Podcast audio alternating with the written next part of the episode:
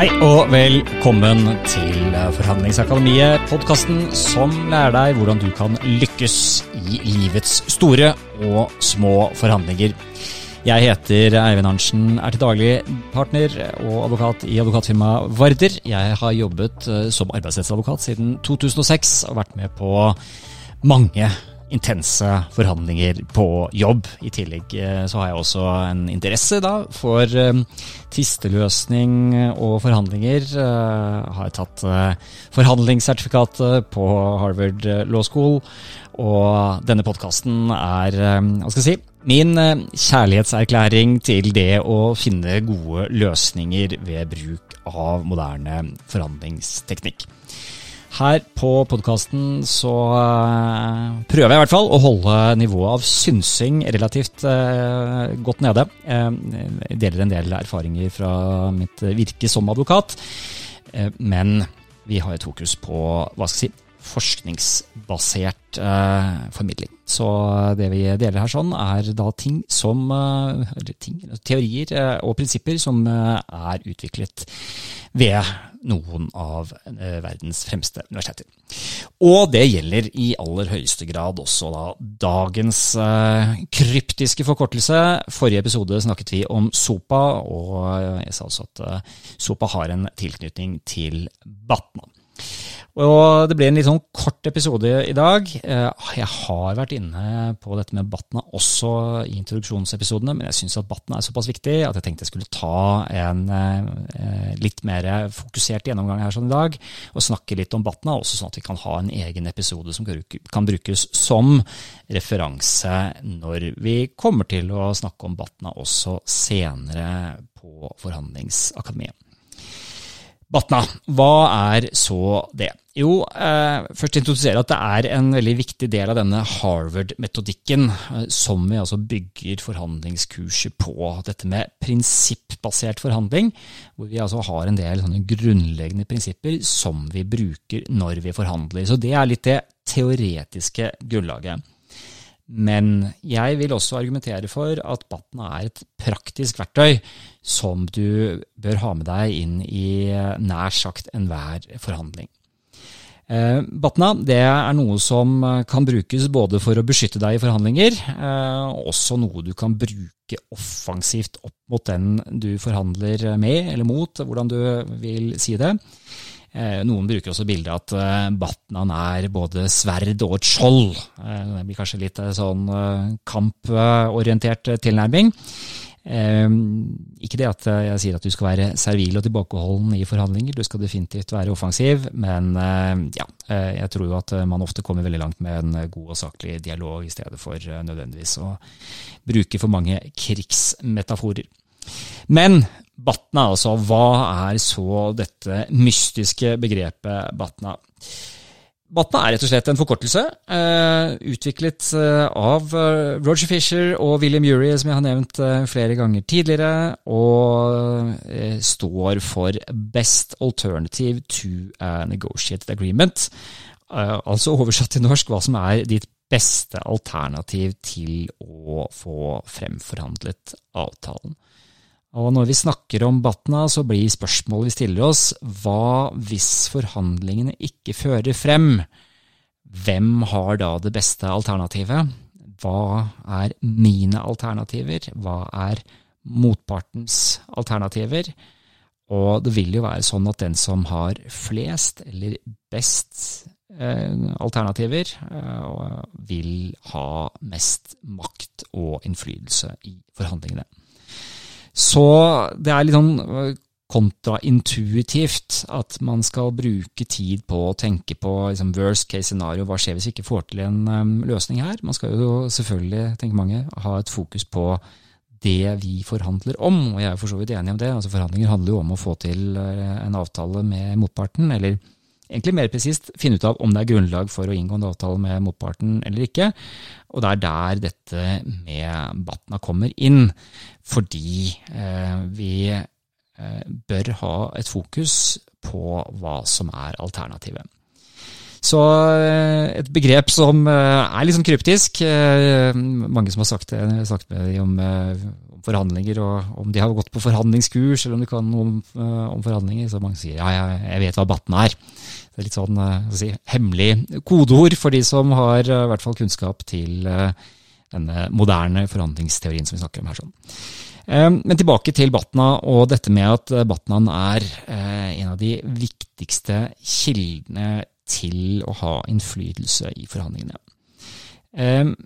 Og Det er det som er viktig, å ha det fokuset. At Batna er altså noe som kan brukes for å styrke egen posisjon, og også til å påvirke motparten. Så jeg ser på Batna som det å ha et sikkerhetsnett når jeg forhandler. Det at jeg har fokus på hva er det som skjer hvis ikke vi får til en avtale her i dag. At jeg bruker minst like mye energi på å se på alternativer som bare den forhandlingen vi har foran oss. Det vil veldig ofte være en veldig, en veldig smart eh, investering av energi. Fordi i en forhandling så er det sånn at det kan egentlig eh, bare være ett av to utfall. Det er en sånn analog prosess. Enten så blir det inngått en avtale, eller så blir det ikke noe avtale. Det, det kan selvfølgelig være at prosessen trekker ut i tid, men sånn eh, på et eller annet tidspunkt så vil man ha en konklusjon. Enten så ble det avtale, eller så ble det ikke en avtale. Og Da er det med å se på alternativer viktig, fordi da har du eh, litt sånn som eh, reven i hiet, som har fem-seks eh, utganger. Da har du flere veier ut hvis forhandlingene skulle bryte sammen. Og ikke minst Én ting er dette med å ha fokus på egen batna og, og se på hvilke alternativer jeg, er det jeg har, men også det å se på motpartens batna er utrolig viktig gjøre en analyse av hvilke alternativer er det motparten har. Hva vil det bety for motparten hvis det ikke blir en avtale? Og dette er jo der hvor den kloke forhandler bruker tid på å gjøre den vurderingen. Noen vil si at jeg bryr meg ikke om hva som skjer med motparten, det får de finne ut av selv. Men hvis du er smart, så bruker du tid på å tenke på hva er motpartens batna. Uh, William Ury har sagt det på den måten at uh, if you want to change someone's mind, you should first learn where that person's mind is. Så det handler jo om å sette seg selv i motpartens sko, tenke fra motpartens perspektiv. Hvilke alternativer er det de har?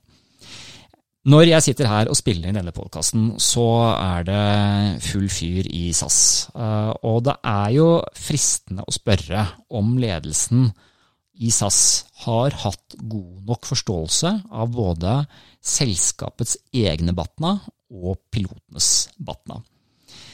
Pilotene har vært veldig tydelige. De har sagt at uh, i verste fall så kjører vi uh, selskapet konkurs, og så er det mye å si om det. Det er ikke sånn at jeg sitter her og omfavner den måten å kommunisere på. Det er veldig mye med den prosessen som uh, fra begge parters side er både interessant og for så vidt også litt skremmende i forhold til hvordan man gjennomfører forhandlinger. og Vi ser jo også da resultatene av det hele. Det er jo ikke spesielt verken effektivt eller konstruktivt. Men i hvert fall så stiller jeg meg spørsmålet om Batna-analysen, eh, og da spesielt fra selskapets side, om den har vært god nok. Eh, og Det får jo bli spennende å se eh, hvis man går tilbake og hører på denne podkasten om noe tid. Kanskje kommer vi tilbake til den og kan se litt hvordan er det det hele ender. Men jeg tenker i hvert fall at det er ganske mange elementer her sånn som er spesielle, og et av de er vurderingen av Batna. Eh, fordi at den situasjonen som selskapet står i nå, eh, hvor eh, spiller inn dette så har det gått ca. en uke siden, siden, eller ganske nøyaktig en uke siden streiken begynte. Og Estimatene ligger på at det har kostet ca. en milliard så langt. Og så er det spørsmålet hva er den langsiktige kostnaden i forhold til tapt omdømme, kundelojalitet osv. Så veldig mange elementer som går inn i en type vurdering av eh, Batnan. Eh, det kan si at For egen del, hvis vi ser på SAS-konflikten, så er eh, det et eksempel på en situasjon hvor vi ser hvordan jeg i hvert fall for egen del bruker Batna i veldig mange situasjoner. Også der hvor det er forhandlinger som jeg ikke selv kan påvirke. For det er noe med at når man blir vant til å hele tiden tenke alternativer, tenke på hva er det som skjer hvis ikke det blir en avtale, så prøver man å bygge seg sikkerhetsløsninger. For egen del så er det sånn at vi i Min familie skal reise på sommerferie om noen dager. Hadde billetter med SAS. Jeg er en gammel, lojal SAS-kunde og uh, veldig veldig glad i flyselskapet. Så når jeg omtaler SAS, her, så er det litt sånn vemodig. For jeg syns uh, egentlig altså, hvis, jeg kan velge hvilket flyselskap jeg skal reise med, så har det alltid vært SAS. Men uh, flere uker før streiken så fryktet jeg at det kom til å komme en streik. Jeg har opplevd streik med SAS før. Den gangen så var det jeg og min kone som skulle til København en helg, og vi hadde billetter til vi skulle på et arrangement på, på kvelden og skulle ha en helg i, i København. Da var det streik. Eh, den gang kjørte vi elbil til København, så det var vårt beste alternativ i den situasjonen. Nå skal familien til Spania, og det er litt for langt å kjøre elbil til Spania, i hvert fall eh, for en sånn sommerferie hvor man har planlagt ut fra å fly. Så derfor bestilte jeg billetter med Flyr for flere uker siden, og da billetter som det var mulig å kansellere. De hadde billetter som man kunne kansellere opptil 30 minutter før avgang, så da gjorde det at det var en no-brainer for meg å sitte og hedge opp mot eh, SAS-streiken ved å ha dobbelt sett med eh, billetter. Nå har jeg bare ett sett igjen, fordi nå har jeg gitt opp eh, SAS, og de billettene er booket om. Uh, slapp jeg bruke veldig mye tid på å tenke på strategier rundt kansellering og sånne ting. Nå fikk jeg full verdi for de, de er neste år, og så flyr vi med Flyr. og Så blir det spennende å se hvordan det går.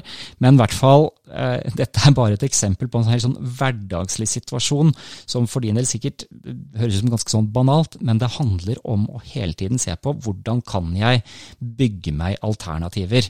Og det er den tankegangen tankegangen og den metodikken som jeg ønsker at du skal ta med deg. Bruke Batna, tenke Batna hele tiden. Er det noen alternativer? Så er det så klart at eh, hvis det er små og helt enkle ting i hverdagen, så vil jo det kanskje være litt for mye å tenke på hvis man skal hele tiden vurdere Batna. Men er det noe større, så se på hvilke alternativer er det jeg har?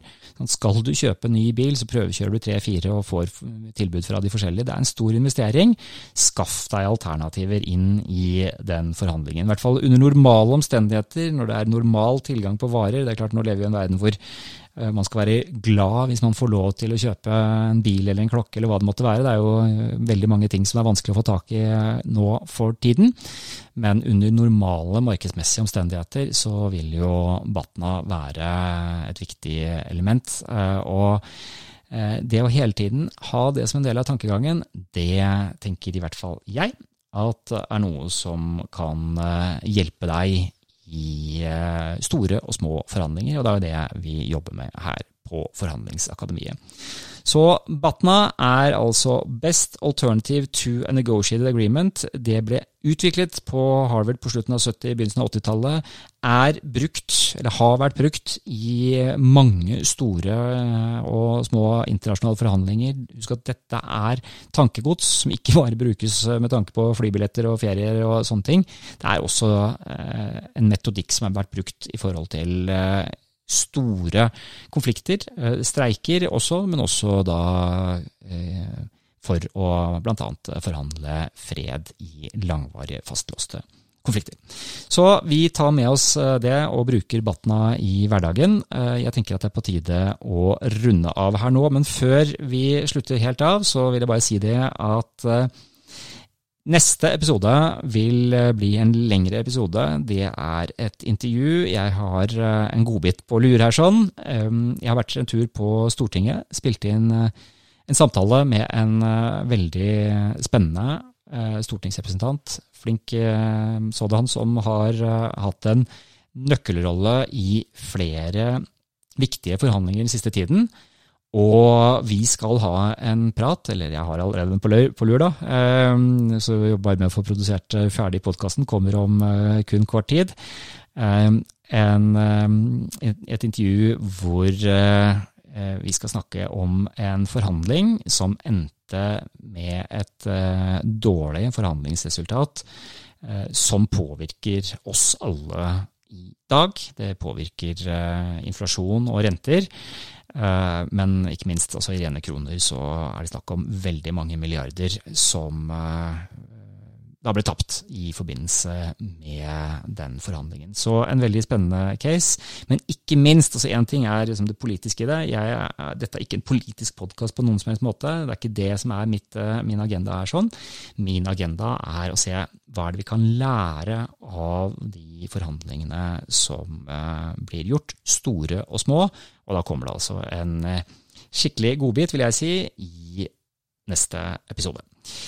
Um, så det kan være lurt å huske å abonnere. Eh, trykk på abonner i den appen som du bruker, så får du beskjed når neste episode kommer ut. Det er ikke så lenge til. Jeg gleder meg til å dele den episoden med deg. Eh, og i mellomtiden Takk for i dag, og husk det at livet er fullt av forhandlinger. Det har vi sett eksempel på i dag. Jo bedre du blir til å forhandle, til å tenke forhandlingsteknikk i hverdagen, jo bedre vil du lykkes i livet. Vi høres om kort tid.